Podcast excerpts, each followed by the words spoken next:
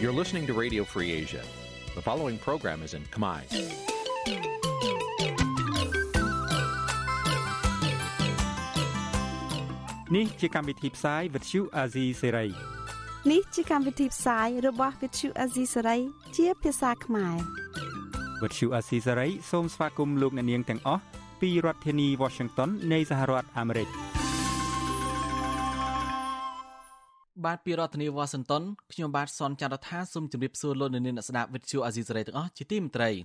ខ្ញុំបាទសូមជូនការផ្សាយសម្រាប់ព្រឹកថ្ងៃច័ន្ទ15កើតថ្ងៃសិលនិងជាថ្ងៃពេញបូរមីខែបុស្សឆ្នាំឆ្លូវត្រីស័កពុរសករាជ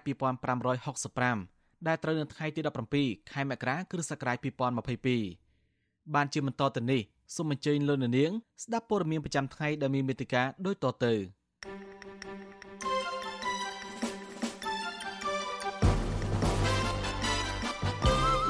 គណៈកម្មការទន្លេមេគង្គពីមនីអមដាប្រទេសតាមដងទន្លេមេគង្គដោះស្រាយវិបត្តិទឹកទន្លេស្រកចុះជាបន្ទាន់មន្ត្រីបាក់ភ្លើងទៀនខេត្តកំពង់ចាមក្រុងដាក់ពាក្យប្តឹងទៅក្រសួងមហាផ្ទៃនៅអាជ្ញាធរខេត្តឬអាជ្ញាធររារាំងមិនឲ្យលើកស្លាកគណៈបកសាច់ញាតិអ្នកចាប់ឃុំស្នើសុំរដ្ឋាភិបាលនិងតុលាការដល់លែងអ្នកនយោបាយទាំងអស់នៅមុនការបោះឆ្នោតអ្នកវិភាគថាចំហររបស់លោកហ៊ុនសែនរឿងភូមា ប៉ះពាល់ដល់ទូនីតិជាប្រធានអាស៊ានរួមនឹងព័ត៌មានផ្សេងៗមួយចំនួនទៀត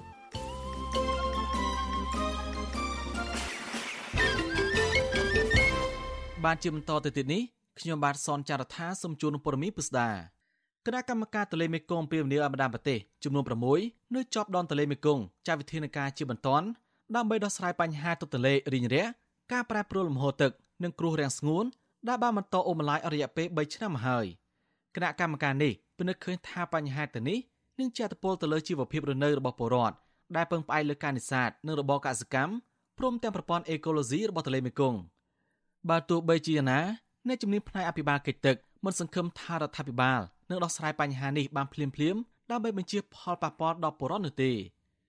បាទពីរដ្ឋធានីវ៉ាស៊ីនតោនអ្នកស្រីសុជីវីរាយការណ៍ព័ត៌មាននេះគណៈកម្មការទន្លេមេគង្គហៅកាត់ថា MRC អំពាវនាវជាថ្មីទៀត ដល់ប្រទេសចំនួន6នៅតាមដងទន្លេមេគង្គថាត្រូវមានវិធានការបន្ទាន់ឆ្លើយតបនឹងវិបត្តិនៅទន្លេមេគង្គដែលបានអូសបន្លាយរយៈពេល3ឆ្នាំជាប់ជាប់គ្នាមកនេះក្នុងនោះរួមមាន លំហូរទឹកតិចឬខ្វះទឹកកម្រិតទឹកមិនទៀងទាត់ទឹកទន្លេរីងរាក់និងគ្រោះរាំងស្ងួតប្រទេសទាំង6នោះរួមមាន ប្រទេសចិនមីយ៉ាន់ម៉ាឬភូមា ប្រទេសឡាវថៃកម្ពុជា និងវៀតណាម គណៈកម្មការនេះក៏សម្គាល់ថាក្នុងរយៈពេល3ឆ្នាំចុងក្រោយចាប់តាំងពីឆ្នាំ2019ដល់ឆ្នាំ2021លំហូរទឹកទន្លេមេគង្គបានធ្លាក់ចុះទាបខ្លាំងហើយឆ្នាំ2020ត្រូវចាត់ទុកថាជាឆ្នាំដែលស្ងួតហួតហែងបំផុតមិនធ្លាប់មានក្នុងរយៈពេលជាង6ទសវត្សរ៍មកនេះនាយកប្រតិបត្តិនៃគណៈកម្មការទន្លេមេគង្គលោកអានពេជ្រហត្តាលើកឡើងថាវិបត្តិទឹកទន្លេមេគង្គនឹងជះឥទ្ធិពលធ្ងន់ធ្ងរដល់ផលនេសាទនិងផលកសិកម្ម ប៉ះពាល់ជីវភាពរស់នៅរបស់ពលរដ្ឋនៅក្នុងតំបន់សណ្ដោទន្លេមេគង្គព្រមទាំងគម្រាមកំហែងទៅដល់ប្រព័ន្ធអេកូឡូស៊ីរបស់ទន្លេនេះថែមទៀតលោកថាកិច្ចសហប្រតិបត្តិការសកម្មមានសារៈសំខាន់គឺមិនមែនមានតែប្រទេសចិនទេប៉ុន្តែត្រូវរួមគ្នាទាំងបណ្ដាប្រទេសជាសមាជិកនៃគណៈកម្មការទន្លេមេគង្គផងដែរលោកហាត់ដាណែនាំឲ្យប្រទេសជាប់ទន្លេមេគង្គទាំង6ត្រូវបង្កើតយន្តការជូនដំណឹងរួមមួយ ស្ដីពីស្ថានភាពទឹកមិនប្រក្រតីនិងទៅថ្ងៃមុខត្រូវបន្តការសម្របសម្រួលលើការគ្រប់គ្រងអាងរក្សាទឹកទុក និងទំនប់វារីអគ្គិសនីតាមដងទន្លេនេះលើសពីនេះបណ្ដាប្រទេសតាមដងទន្លេមេគង្គគួរពិចារណាជំរើសបង្កើតអាងរក្សាទឹកបន្ថែមទៀតដើម្បីគ្រប់គ្រងស្ថានភាពគ្រោះរាំងស្ងួតនិងទឹកជំនន់រួមទាំងការបង្កើតគំរូប្រតិបត្តិសម្រាប់អាងទន្លេមេគង្គទាំងមូល បើទោះជាយ៉ាងណាអ្នកជំនាញផ្នែកអភិបាលកិច្ចទឹកលោកហែមឧត្តមមិនរំពឹងថារដ្ឋាភិបាលប្រទេសតាមដងទន្លេមេគង្គរួមទាំងកម្ពុជាផងអាចចាត់វិធានការដោះស្រាយវិបត្តិទឹកទន្លេមេគង្គជាពិសេសបញ្ហាប្រែប្រួលលំហូរទឹកនិងទឹកទន្លេរីងរាក់ទៅតាមការអំពាវនាវរបស់គណៈកម្មការ MRC បានភ្លាមភ្លាមឡើយព្រោះនៅខ្វះខាតបទដ្ឋានច្បាប់រឹងមាំមួយចំនួនដែលអាចឲ្យបណ្ដាប្រទេសទាំង6អាចធ្វើការជាមួយគ្នាបាន លោកបន្ថែមថាគណៈកម្មការទន្លេមេគង្គទៀតសោតក៏មិនបានបង្ហាញហេតុផលជាក់លាក់ដែលនាំឲ្យទឹកទន្លេរីងរាក់ខ្វះទឹក និងទឹកប្រែប្រួលមិនទៀងដែរ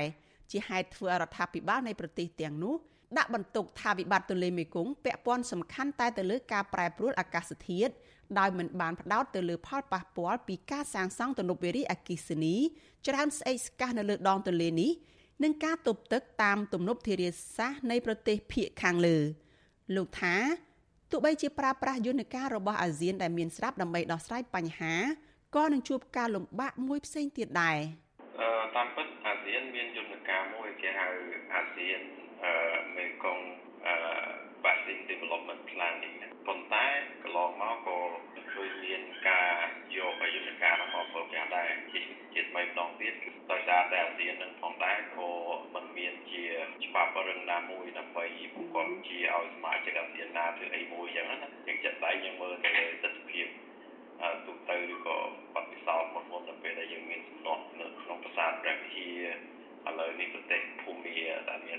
យោធាជាដើមនោះគឺអាស៊ានមិនមានអីជាលក្ខណៈដាក់មកទេបានត្រឹមតែការជួបជជែករបាយការណ៍របស់ MRC កាលពីឆ្នាំ2019បញ្ជាក់ថាការសាងសង់អាងរក្សាទឹកទុកឬក៏អាងស្តុកទឹកទាំងឡាយនៅតាមដងទន្លេមេគង្គភាគខាងលើមិនមែនជាហេតុផលចម្បងតែមួយ ដែលនាំឲ្យមានលំហូរទឹកទាបនោះទេ គឺមានកត្តារួមផ្សំពីអាកាសធាតុកាន់តែអាក្រក់និងទឹកភ្លៀងទាបជាងធម្មតា MRC អះអាងថាការគ្រប់គ្រងប្រតិបត្តិប្រកបដោយការសម្របសម្រួលនៃអាងស្តុកទឹកអាចជាគន្លឹះកាត់បន្ថយផលប៉ះពាល់អាក្រក់បំផុតក្នុងអំឡុងឆ្នាំនៃគ្រោះរាំងស្ងួតហើយ MRC កំពុងធ្វើការជាមួយបណ្ដាប្រទេសនៅតាមដងទន្លេមេគង្គក្នុងការគ្រប់គ្រងគំនិតផ្ដួចផ្ដើមនេះនៅក្នុងដំណាក់កាលនេះអ្នកជំនាញអភិបាលកិច្ចទឹកលោកហែមឧត្តមណែនាំដល់ពលរដ្ឋនៅតាមមូលដ្ឋានដែលកំពុងរងផលប៉ះពាល់ពីទន្លេរីងរាក់ ឲ្យប្រើប្រាស់ធនធាននៅក្នុងមូលដ្ឋានដោះស្រាយបញ្ហាបន្ទាន់ចំពោះមុខលើសពីនេះលោកស្នើដល់អាជ្ញាធរមូលដ្ឋានឲ្យសហការជាមួយអង្គការជាតិនិងអន្តរជាតិនានាប្រមូលធនធានរួមគ្នាផ្ដល់ដំណោះស្រាយដោយតម្កល់ផលប្រយោជន៍របស់ពលរដ្ឋជាធំបញ្ឈប់រាល់ការលាបពណ៌និងការចោទប្រកាន់នៅក្នុងចេតនានយោបាយយើងមានធនធានច្រើនដែរជាពិសេសតាមរយៈដៃគូអភិវឌ្ឍផ្ដល់មកឲ្យទាំង ស្ថាប័នរដ្ឋនិងស្ថាប័នសង្គមស៊ីវិលក៏ដូចជាខ្សែឯកជនអញ្ចឹងបើសិនជាយើងអាចប្រើធនធានទាំងអស់ហ្នឹងដោយប្រកបដោយភាពឆ្លាតវៃហើយជាពិសេសមានការសហការប្រកបដោយអត្ថន័យរវាងអាជ្ញាធរមូលដ្ឋានបើយើងនិយាយនៅកម្ពុជាគឺកម្រិតខុបនឹងហើយដែលគាត់នៅក្បែរប្រជាពលរដ្ឋគាត់នឹងទុកសរៈណាស់ប៉ុន្តែបើសិនជាគាត់នៅបន្តរក្សាបន្តនយោបាយ បញ្ហាទាំងឡាយនោះគឺមិនអាចដោះស្រាយបានប្រសិទ្ធភាពទេវាចប់តាមថារឿងអីតែនិយាយនិយាយរឿងនយោបាយគឺរឿងអស់នោះគឺត្រូវកៀងនៅនោះទីហោថាជាបដិវត្តពណ៌ទីហោថាជាឈ្នន់បរទេសយកលុយបរទេសមកដើម្បីបង្កបញ្ហាដែលវាមិនមែនជាបញ្ហាអីជាដើមស្របគ្នានេះដែរអ្នកជំនាញអភិបាលកិច្ចទឹករូបនេះចង់ឃើញគណៈកម្មការទន្លេមេគង្គហ៊ានបង្ហាញជំហរការស្រាវជ្រាវបែបវិទ្យាសាស្ត្រ និងបច្ចេកទេសអំពីបញ្ហាវិបត្តិទឹកនៅក្នុងតំបន់ទន្លេមេគង្គនេះនាងខ្ញុំសុជីវីវិទ្យុអាស៊ីសេរីពីរដ្ឋធានី Washington បានលោកនាងជាទីមត្រីក្រសួងបរិស្ថានដាក់ចេញនូវវិធានការ8ចំណុចដល់ស្ថាប័នពាក់ព័ន្ធរួមទាំងបរិវត្តនៅតាមមូលដ្ឋានដើម្បីចូលរួមទប់ស្កាត់ភ្លើងឆេះព្រៃក្នុងតំបន់ការពារធម្មជាតិនិងរបៀងអភិរក្សជីវៈចម្រុះប្រព័ន្ធតំបន់ការពារធម្មជាតិការដាក់ចេញវិធានការទាំងអស់នេះ ដោយសារក្រសួងបរិស្ថានបារម្ភពីការកើនឡើងបញ្ហាភ្លើងឆេះព្រៃដែលបង្កដោយឥទ្ធិពលធម្មជាតិឡានីណានិងបង្កដោយសកម្មភាពរបស់មនុស្សដូចជាការកាប់ឆ្ការដុតព្រៃដាំដំណាំនិងការដុតព្រៃដើម្បីចាប់សត្វព្រៃជាដើមវិធានការទាំងអស់នេះរួមមានការផ្សព្វផ្សាយអប់រំដល់ប្រជាពលរដ្ឋក្នុងការប្រើប្រាស់ភ្លើងការទប់ស្កាត់ការកាប់ឆ្ការដុតព្រៃឈើរៀបចំទប់ស្កាត់កុំឲ្យភ្លើងឆេះរាលដាលទៅដល់កន្លែងផ្សេងទៀតនិងវិធានការរក្សាទឹកទុកពេលមានករណីភ្លើងឆេះព្រៃជាដើម នេះបញ្យងតាមសេចក្តីប្រកាសព័ត៌មានរបស់ក្រសួងបរិស្ថានចេញផ្សាយកាលពីថ្ងៃទី14ខែមករាកម្ពុជាមានតំបន់ការពារធម្មជាតិនិងរបៀងអភិរក្សជីវៈចម្រុះសរុបចំនួន72តំបន់លាតសន្ធឹងលើផ្ទៃដីជាង7លានហិកតាច្បាប់ស្តីពីតំបន់ការពារធម្មជាតិចែងថាការបង្កមានភ្លើងឆេះព្រៃដោយចេតនាត្រូវផ្ដន្ទាទោសពី5ឆ្នាំដល់10ឆ្នាំនិងពិន័យជាប្រាក់ពី15លានរៀលទៅ150លានរៀល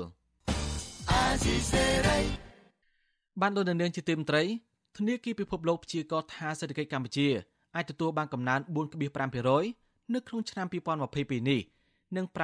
5.5%នៅក្នុងឆ្នាំ2023ខាងមុខការព្យាករណ៍នេះធ្វើឡើងក្នុងរបាយការណ៍ស្តីពីទស្សនវិស័យសេដ្ឋកិច្ចសកលដែលទើបបញ្ចេញផ្សាយកាលពីថ្ងៃទី11ខែមករាកន្លងទៅដោយធនាគារពិភពលោកដោយមានមូលដ្ឋាននៅរដ្ឋធានីវ៉ាស៊ីនតោនសហរដ្ឋអាមេរិកបាទតាមតួលេខចុងក្រោយនេះ ធនាគារពិភពលោកបានទម្លាក់ការព្យាករណ៍អំពីកំណើនសេដ្ឋកិច្ចកម្ពុជាក្នុងឆ្នាំ2022និងឆ្នាំ2023ខាងមុខទៀបជាងការរំពឹងទុកបន្តិចដែលធនាគារធ្លាប់បានព្យាករណ៍កាលពីខែមិថុនាឆ្នាំ2021កន្លងទៅពលគឺថយចុះប្រមាណ7.1%សម្រាប់ការព្យាករណ៍ឆ្នាំ2022នេះធនាគារពិភពលោកឲ្យដឹងថាក្នុងប្រទេសជាច្រើនជាពិសេសប្រទេសដែលមានសេដ្ឋកិច្ចពឹងផ្អែកលើវិស័យទេសចរគេមិនរំពឹងថាមានការងើបឡើងវិញ នៅទិន្នផលសេដ្ឋកិច្ចបានដូចកម្រិតកាលពីមុនពេលមានវិបត្តិ COVID-19 រហូតដល់ឆ្នាំ2022សម្រាប់ប្រទេសកម្ពុជាម៉ាឡេស៊ីនិងហ្វីលីពីនឬរហូតដល់ឆ្នាំ2023សម្រាប់ប្រទេសថៃជាដើម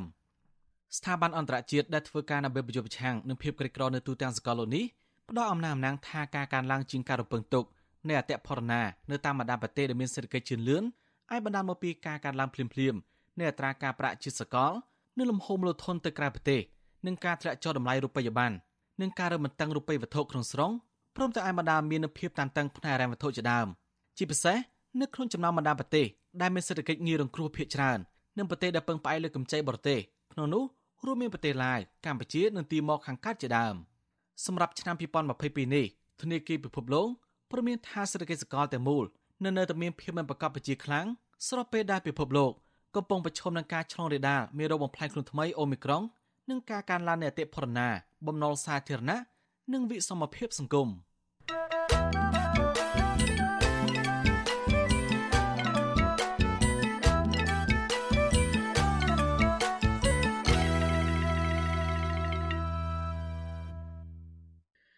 បាទចំណែកស្ថានភាពឆ្លងរាលដាល COVID-19 ឯនេះវិញ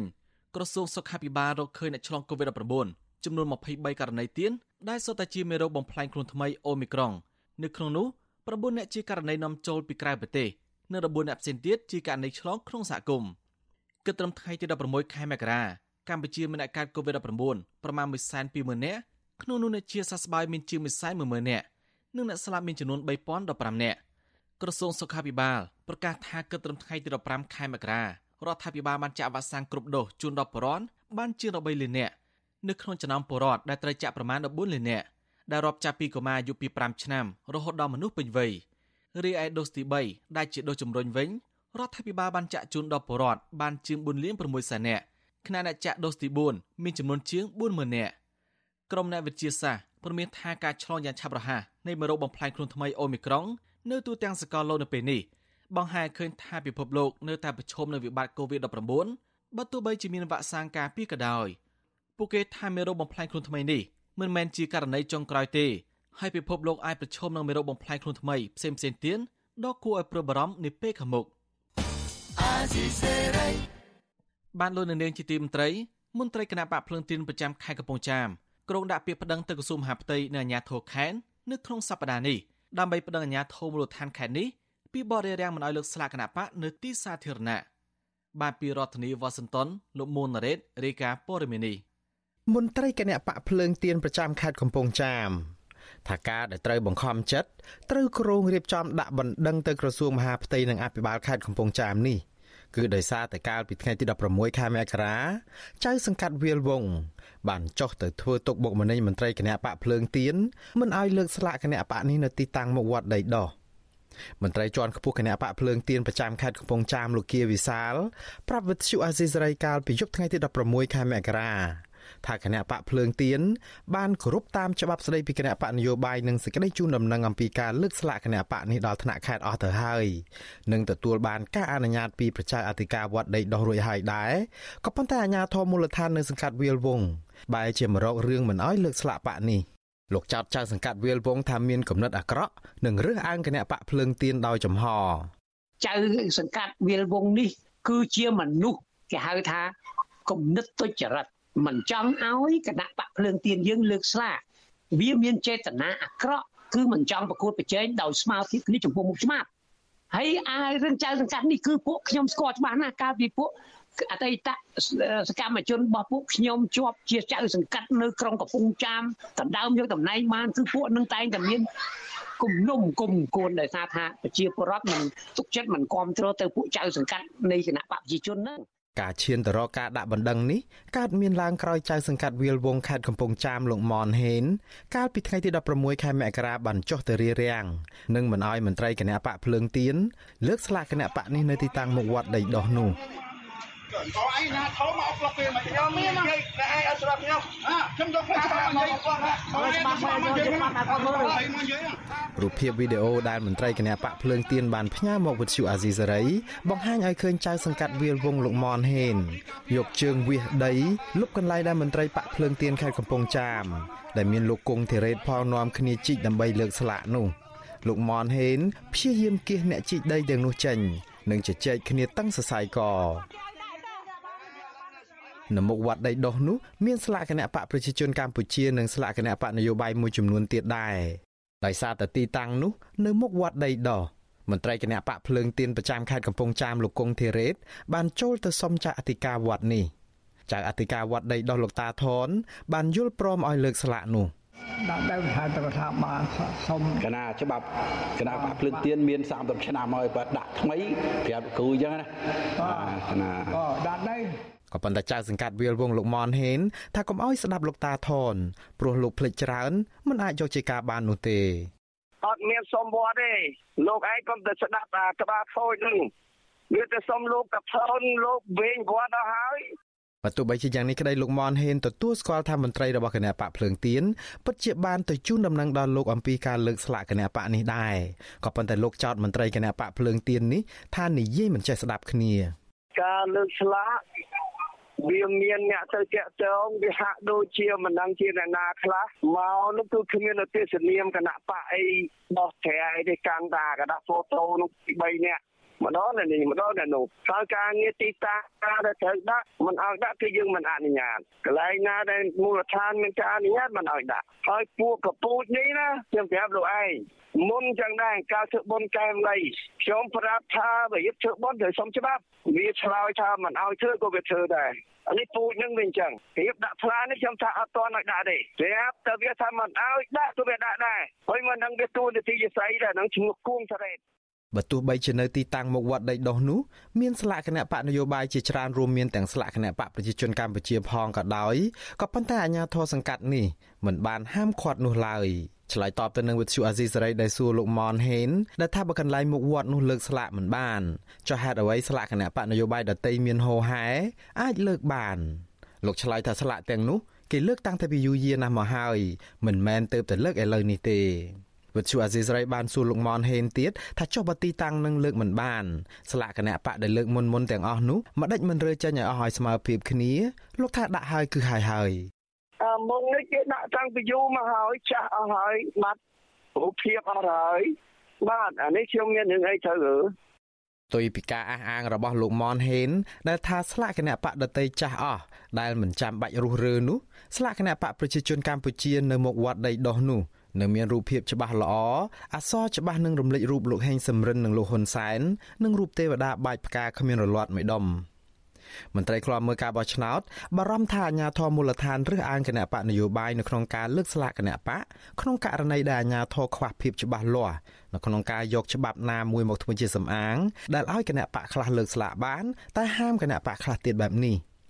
មន្ត្រីសម្របសម្រួលនឹងអង្គការនៃអង្គការ Conference លោកកនសវាងថាមុខងាររបស់អាជ្ញាធរមូលដ្ឋាន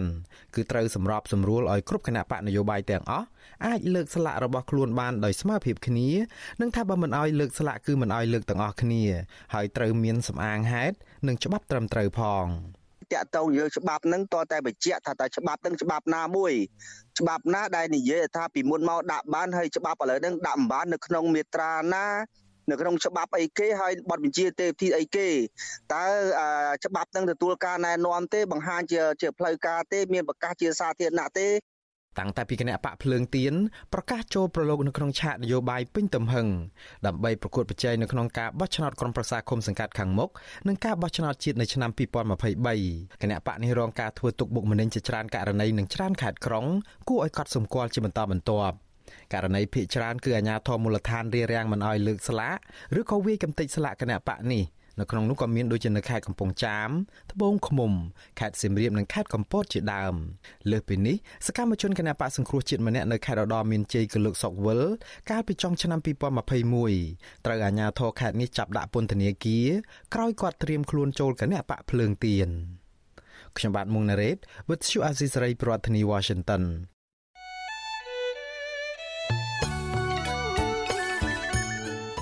បានលោកនាងជាទីមត្រី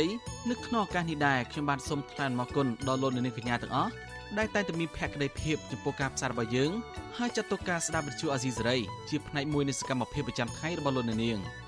ការគ្រប់គ្រងរបស់លោកនាងនេះហើយដែលធ្វើឲ្យយើងខ្ញុំមានទឹកចិត្តកាន់តែខ្លាំងបន្ថែមទៀតនៅក្នុងការស្វែងរកនិងផ្តល់ព័ត៌មានជូនលោកនាងមានអ្នកស្ដាប់អ្នកទស្សនាកាន់តែច្រើនកាន់តែធ្វើឲ្យយើងខ្ញុំមានភាពស្វាហាប់មោះមុតជាបន្តទៅទៀតយើងខ្ញុំសូមអរគុណទុកជាមុន ហើយសូមអញ្ជើញលោកនាងចូលរួមជំរុញសកម្មភាពផ្តល់ព័ត៌មានរបស់យើងនេះកាន់តែជោគជ័យបន្ថែមទៀតលោកនាងអាចជួយយើងខ្ញុំបានដោយគ្រាន់តែចុចចែករំលែកឬ Share ការផ្សាយរបស់យើងនៅលើបណ្ដាញសង្គម Facebook និង YouTube ទៅកាន់មិត្តភ័ក្តិដើម្បីឲ្យការផ្សាយរបស់យើងបានទៅដល់មនុស្សកាន់តែច្រើន បាទសូមអរគុណ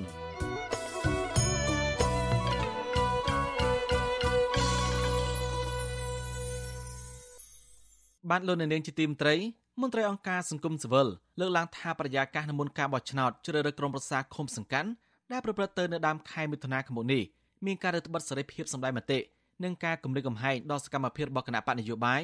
ដែលជាដៃគូប្រកួតប្រជែងពួកគេយល់ថាបរិយាកាសបែបនេះនឹងជាអត្តពលមិនល្អដល់លទ្ធផលនៃការបោះឆ្នោតនាពេលខាងមុខបានសូមអញ្ជើញលោកនាងស្ដាប់សេចក្តីរាយការណ៍មួយផ្សេងទៀតពីលោកមុនរ៉េតអំពីរឿងនេះ អ្នកជំនាញខាងការបោះឆ្នោតរីគុណថាប្រសិនបរដ្ឋាភិបាលមិនឆាប់កែលម្អប្រយាកាសនយោបាយដោយបើកទូលាយឲ្យគ្រប់គណៈបកនយោបាយអាចធ្វើសកម្មភាពដោយសេរីនិងស្មារភាពគ្នាគ្រប់គណៈបកទេនោះនឹងធ្វើឲ្យដំណើរការបោះឆ្នោតគ្មានភាពសេរីត្រឹមត្រូវនឹងយុត្តិធម៌និងតម្លាភាពហើយគណៈបកខ្លះអាចនឹងមានការតវ៉ាពីលទ្ធផលបោះឆ្នោតនាពេលខាងមុខនោះ មន្ត្រីសម្របសម្រួលផ្នែកអង្គការរបស់អង្គការឃ្លាំមើលការបោះឆ្នោតហៅកាត់ថា Confrey លោកកនសាវាងប្រាប់វិទ្យុអាស៊ីសេរីនៅថ្ងៃទី16ខែមករាថាបរិយាកាសនយោបាយនៅមុនការបោះឆ្នោតជ្រើសរើសក្រុមប្រឹក្សាឃុំសង្កាត់ឆ្នាំនេះហាក់មិនសូវអំណោយផលនោះទេ ពីព្រោះលោកមើលឃើញថាអាញាធរនៅតាមមូលដ្ឋានរដ្ឋបတ်ការជួបប្រជុំនិងរៀបរៀងមិនអោយលើកស្លាកគណៈបកនយោបាយជាដើម។ មន្ត្រីអង្គការសង្គមស៊ីវិលរូបនេះយល់ថារដ្ឋាភិបាលនិងស្ថាប័នពាក់ព័ន្ធគួរតែកែលម្អបរិយាកាសនយោបាយចាប់តាំងតែពីពេលនេះតទៅ ដើម្បីឲ្យគ្រប់គណៈបកអាចធ្វើសកម្មភាពដោយស្របតាមច្បាប់ដោយសេរីនិងស្មើភាពគ្នាឡើងវិញជាពិសេស ស្ថានភាពកូវីដនេះគឺជាស្ថានភាពមួយដែលធ្វើឲ្យពិបាកក្នុងការប្រមូលផ្ដុំគ្នាថែមទៀតរួមទាំងទីកន្លែងខ្លះក៏មានការរើសអើងផ្នែកនយោបាយដែលធ្វើឲ្យប្រជាពលរដ្ឋនឹងដែលគ្រប់គ្រងគណៈបកនយោបាយពិបាកក្នុងការប្រមូលផ្ដុំនឹងការជែកនិយាយជាមួយគ្នា តកតងជាមួយនឹងរឿងការចោតប្រកាន់ការចាប់សកម្មជនគណបកនយោបាយក៏ជាផ្នែកមួយដែលធ្វើឲ្យបរិយាកាសហ្នឹងវាមិនមានភាពល្អប្រសើរដែរដែលរដ្ឋាភិបាលគួរតែទម្លាក់នៃការចោតប្រកាន់រួមទាំងបើកសេរីភាពខាងផ្នែកនយោបាយនេះឲ្យដំណើរការទៅបានល្អប្រសើរដោយឡែកប្រធានស្ដីទីគណៈបកភ្លើងទៀនលោកថាច់សេថាមានប្រសាសន៍ថាគណៈបករបស់លោក រងការគំរាមកំហែងជាច្រើនករណីមានជាអាច អាញាធរចាប់សកម្មជនគណៈបកខ្លួនម្នាក់នៅខេត្តរតនមានជ័យកាលពីពេលថ្មីថ្មីនេះហើយមានជនមិនស្គាល់មុខបំផ្លាញស្លាកគណៈបកនៅខេត្តសៀមរាបនិងរារាំងសកម្មជនមិនឲ្យលើកស្លាកគណៈបកនៅខេត្តបន្ទាយមានជ័យកំពត កំពង់ចាម និងខេត្តត្បូងឃ្មុំជាដើម។ ជាងនេះទៅទៀតគណៈបកនេះពិបាករកជួលទីស្នាក់ការកណ្ដាលបករបស់ខេត្តដើម្បីធ្វើសកម្មភាពរបស់ខ្លួនឲ្យបានទូលំទូលាយនៅមុនការបោះឆ្នោតនេះបានដោយម្ចាស់ផ្ទះខ្លះបានធ្វើកិច្ចសន្យាព្រមព្រៀងទៅហើយតែលុបចោលវាទៅវិញដោយសារតែមានការគំរាមកំហែងពីអាជ្ញាធរលោកចាត់ទុកទង្វើបែបនេះថាជាការគំរាមកំហែងបិទសិទ្ធិសេរីភាពផ្នែកនយោបាយដែលពិបាកដល់ការធ្វើសកម្មភាពនយោបាយ យើងឃើញទេសកម្មភាពបច្ចុប្បន្ននេះបើសិនណាមានការប្រមូលផ្ដុំធំវាអាចមនុស្សជួលដល់រាប់ពាន់រាប់ម៉ឺននាក់ហើយព្រោះមានសន្ទុះនៃការគ្រប់គ្រងនឹងយើងឃើញថាខុសប្លែកពីមុនច្រើនណាស់អញ្ចឹងយើងត្រូវការសិទ្ធិសេរីភាពក្នុងការបញ្ចេញមតិក្នុងការជួបជុំរួមទាំងសិទ្ធិក្នុងការធ្វើបដកម្មកុតកម្មអីទាំងអស់ដែលមានចែងក្នុងច្បាប់ដែលធានាដោយរដ្ឋធម្មនុញ្ញផងហើយបើសិនណាវាចង្អៀតចង្អល់ថាបរិយាកាសទាំងអស់នឹងលំហនឹងវាចង្អៀតពេកអានឹងធ្វើឲ្យលទ្ធិជាតិតបតៃនឹងការរួចទូចទៅហើយគណៈបកដែលចូលរួមការបោះឆ្នោតនោះក៏ពិបាកនឹងទទួលយកដែរ តកតងទៅនឹងបញ្ហានេះប្រធានអង្គភិបអ្នកណែនាំពាក្យរដ្ឋាភិបាលលោកផៃស៊ីផានប្រាប់វិទ្យុអាស៊ីសេរីថាលោកមិនទាន់បានទទួលព័ត៌មានជុំវិញបញ្ហានេះនៅឡើយទេបើទោះបីជាយ៉ាងនេះក្តីលោកថាគណៈបកនយោបាយមានសិទ្ធិធ្វើសកម្មភាពនយោបាយស្របតាមច្បាប់បានដោយសេរីលោកណែនាំគណៈបកដែលមានបញ្ហាទាំងឡាយអាចប្តឹងទៅគណៈកម្មាធិការជាតិរៀបចំការបោះឆ្នោតឬអគ្គស្នងការនគរបាលជាតិដើម្បីឲ្យចាត់វិធានការទៅលើជនប្រព្រឹត្តបាន បើសិនជាដឹងនៅមូលដ្ឋានណាពេលណាតែផ្សេងទៀតនឹងបានមានកដាស្នាមគ្រប់គ្រាន់ហើយនៅតែយ៉ាងម៉េចយ៉ាងម៉េចណានឹងជារឿងទូទៅតែជាគោលការណ៍មានណាតែបង្ក្រាបឬទៅប្រឆាំងរឿងការលើកផ្លាកនោះទេគឺជាការផ្ទុយនឹងច្បាប់ណាដូច្នេះសូមឲ្យអ្នកសារព័ត៌មានហ្នឹងស្វែងរកអីអសរតាងឲ្យបានច្បាស់ដើម្បីដាក់បន្ទុក វិទ្យុអាស៊ីសេរីមិនទាន់អាចតាក់ទងមន្ត្រីនាំពាក្យគណៈកម្មាធិការជាតិរៀបចំការបោះឆ្នោតកោជបលោកហងពុធាដើម្បីសូមអធិប្បាយជុំវិញរឿងនេះបាននៅឡើយទេនៅថ្ងៃទី16ខែមករាដោយទូរស័ព្ទចូលជាច្រើនដងពុំមានអ្នកទទួលបើទោះបីជាយ៉ាងនេះក្តីនាយកប្រតិបត្តិអង្គការ Netflix លោកសំគុណធីមីក៏សម្គាល់ឃើញថាបរិយាកាសនៅមុនការបោះឆ្នោតឃុំសង្កាត់ឆ្នាំ2022នេះហាក់មិនអំណោយផលដោយកាលពីឆ្នាំ2017នោះទេមន្ត្រីជំនាញខាងឃ្លាំមើលការបោះឆ្នោតរូបនេះបញ្ជាក់ថាបញ្ហាទាំងនោះរួមមានការរឹតបន្តឹងសិទ្ធិសេរីភាពការសម្ដែងមតិដោយសន្តិវិធី ការមិនចុះបញ្ជីគណៈបកនយោបាយដែលមាននានាការផ្ទុយពីបកកណ្ដាលអំណាចនិងការរំខានដល់ការលើកស្លាកគណៈបកជាដើម វាអត់មាន free and fair ដល់ចឹងវាពាក់ព័ន្ធបរិយាកាសធ្វើមិនដោយសេរីយុត្តិធម៌បើយើងរដ្ឋបတ်គេមកជាទិសកម្មភាពបាទវាប៉ះពាល់ free and fair election ណាបាទយើងចង់ឲ្យគាត់បើកចំហបរិយាកាសនយោបាយកុំឲ្យរដ្ឋបတ်ដូចទម្លាក់ផ្លាឲ្យគេបើកគណៈបកអីចឹងណាបាទក៏ឲ្យមានការគម្រាមកំហែងឬក៏អីចឹងណាបាទយើងចង់ឲ្យមានឲ្យបើកទលាយការបោះឆ្នោតជ្រើសរើសសមាជិកក្រុមប្រឹក្សាគុំសង្កាត់អាណត្តិទី5នេះនឹងប្រព្រឹត្តទៅនៅថ្ងៃទី5ខែមិថុនាខាងមុខ កន្លងមកមានគណៈបកនយោបាយមួយចំនួនបានស្នើឲ្យកែប្រែសមាជិកភាពកោជបដែលមកពីគណៈបកកាន់អំណាចតែមួយដែលមិនអាចធ្វើឲ្យដំណើរការបោះឆ្នោតនេះប្រព្រឹត្តទៅដោយសេរីត្រឹមត្រូវនឹងយុត្តិធម៌បាននោះឡើយពួកគាត់ប្រមានធ្វើពហិការមិនចូលរួមការបោះឆ្នោតប៉ះសិនបើកោជបមិនបានកែតម្រង់សមាជិកភាពនេះប្រធានស្ដីទីគណៈបកភ្លើងទៀនលោកថាច់សេថានិយាយថាប្រសិនបើការបោះឆ្នោតនៅពេលខាងមុខមិនមានដំណាភាពទេនោះគណៈបកលោកនឹងមិនទទួលស្គាល់ការបោះឆ្នោតនោះឡើយ។ ខ្ញុំបាទមុងណារ៉េត With you Azizi ពីរដ្ឋធានី Washington បានលើនាងជាទីមត្រី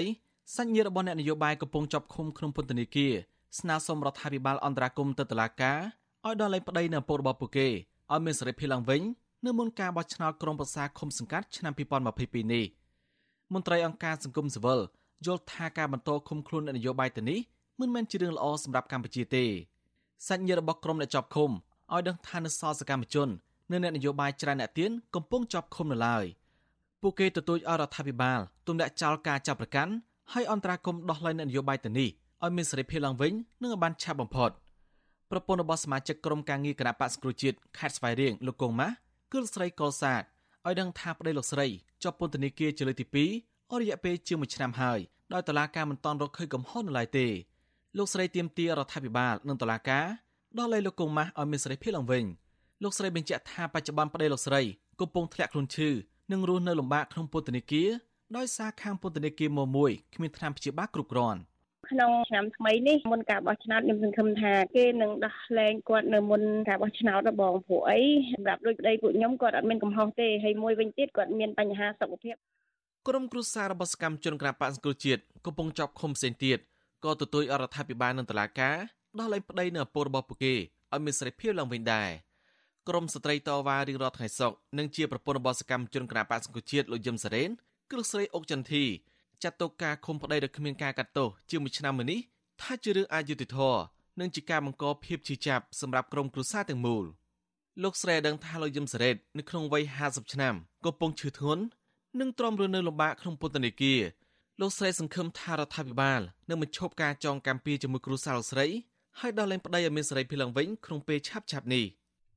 សកម្មជនកំពុងចាប់ឃុំជាង60នាក់ភ ieck ច្រើនជាសកម្មជនគណបក្សសង្គ្រោះជាតិមន្ត្រីសហជីព Nagavel សមាជិកអង្គការសង្គមស៊ីវិលនិងអ្នកដែលហ៊ានរិះគន់រដ្ឋាភិបាលភ ieck ច្រើននៃអ្នកចាប់ឃុំទៅនេះរងការចាប់ប្រកាន់ពីបទញុយញងនិងរួមគំនិតក្បត់ដែលត្រូវបានក្រុមអ្នកខ្លាំមើលចាត់ទុកថាជាបទចោទដែលមានចរិតនយោបាយក្នុងចំណោមអ្នកចាប់ឃុំទាំងអស់នេះមានមន្ត្រីបកប្រឆាំងម្នាក់ខេមរៈមន្ត្រីកំពុងជាប់ឃុំយូរឆ្នាំជាងគេហើយត្រូវបានអាជ្ញាធរបញ្ជូនទៅឃុំខ្លួននៅពន្ធនាគារម៉ូ3នៅត្រពាំង plong ក្ក្បែរព្រំដែនវៀតណាមនោះគឺចៅសង្កាត់ជាប់ឆ្នោតនៅសង្កាត់ប៉ោយប៉ែតគឺលោកចៅវាសនាកូនស្រីលោកចៅវាសនាគឺលោកស្រីចៅរតនាឲ្យដឹងថាមកទល់ពេលនេះអញ្ញាធិបបានឃុំខ្លួនឪពុកលោកស្រីជិត5ឆ្នាំមកហើយដូច្នេះលោកស្រីមិនចង់បានការសណ្ដោសបណីអ្វីទាំងអស់លោកស្រីគ្រាន់តែសង្ឃឹមថាបានចូលមកឪពុកនៅក្រៅឃុំនៅខែក្រោយនេះហើយរំពឹងថាអាញាធរមិនបន្តធ្វើបាបលោកចៅវាសនាបន្តទៀតទេ លេងរំពឹងហើយក៏អត់ចង់រំពឹងដែរព្រោះយល់ថាវាដល់ពេលហើយវាដល់ពេលវេលារបស់គាត់ហើយខ្ញុំក៏អត់ត្រូវការចង់និយាយថារំពឹងឲ្យគាត់ដោះលែងក្នុងន័យជាក្លំមើលក្លំអីខ្ញុំក៏អត់ចង់ដែរព្រោះប៉ាគាត់ទូទ្រាំគ្រប់5ឆ្នាំរបស់គាត់ហើយពាក់ព័ន្ធបញ្ហាទាំងអស់នេះវិទ្យុអាស៊ីសេរីមិនតរសុំការបញ្ជាក់ពីអ្នកនាំពាក្យរដ្ឋាភិបាលលោកផៃសិផាននិងអ្នកនាំពាក្យគណៈបកប្រជាជនកម្ពុជាលោកសុកអេសានបានទេ នៅថ្ងៃទី16ខែមករាបើទោះបីជាណា ក្រុមអ្នកខ្លំមើលសង្ឃឹមថារដ្ឋាភិបាលនឹងតឡាការនឹងរកយន្តការល្អមួយដើម្បីដោះលែងឬក៏យ៉ាងហោចណាស់ត្រូវជួយសម្រួលឲ្យអ្នកចាប់ឃុំផ្នែកនយោបាយទៅនេះបាននៅក្រៅឃុំក្នុងពេលរងចាំសវនាការនេះដែរអ្នកនាំពាក្យសមាគមសិទ្ធិមនុស្សអាត់ហុកលោកសុងសានករណាឲ្យដឹងថាខាងសង្គមស៊ីវិលចាត់ទុកថាការដាក់ទោសអ្នកនយោបាយកន្លងមកគឺជារឿងក្តីនយោបាយដូច្នេះការបន្តឃុំខ្លួនប្រកេកាន់តែយូរនឹងមកការមានការរិះគន់កាន់តែខ្លាំងលោកយល់ថាយ៉ាងហោចណាស់តុលាការគួរដោះលែងអ្នកទោសនយោបាយទាំងអស់ ឲ្យនៅក្រៅឃុំសណ្ដែមិនគួរបន្តឃុំខ្លួនប្រកេយូរឆ្នាំបែបនេះទេការដាក់ឃុំរបស់គាត់ក្នុងរយៈពេលកន្លងមកក៏យូរឆ្នាំមកហើយដែរលមមនឹងមានការពិចារណាអ្នកដែលកំពុងនៅឃុំនឹងឲ្យគាត់បាននៅក្រៅឃុំហើយនីតិវិធីក៏នៅតែអាចបន្តទៅបានដដែលទេអញ្ចឹងការដែលនៅក្នុងឃុំនឹងហាក់ដូចជាមិនជាលក្ខណៈចាំបាច់ក្នុងការរក្សាទុកសម្រាប់សវនាការទេព្រោះពួកគាត់សិតតែមានឆន្ទៈក្នុងការចូលរួមនីតិវិធីបាតឡាការដដែល កន្លងមកក្រុមអង្គការសង្គមស៊ីវិលជាតិនិងអន្តរជាតិព្រមទាំងក្រុមអ្នករាយការណ៍សិទ្ធិមនុស្សរបស់អង្គការសហប្រជាជាតិផងបានចាត់ទុករឿងក្តីប្រឆាំងលើសកម្មជននយោបាយសិទ្ធិមនុស្សសង្គមបរិស្ថាននិងអ្នកដែលហ៊ានរិះគន់រដ្ឋាភិបាលថាជាការធ្វើទុកបុកម្នេញផ្នែកនយោបាយតំណាងស្ថាប័នខ្លមមើលសិទ្ធិមនុស្សទាំងអស់នេះបានស្នើតុលាការទម្លាក់ចោលរាល់ការចាប់ប្រកាន់ហើយដោះលែងជនជាប់ឃុំទនីឲ្យមានសេរីភាពឡើងវិញនៅនឹងគ្មានលក្ខខណ្ឌ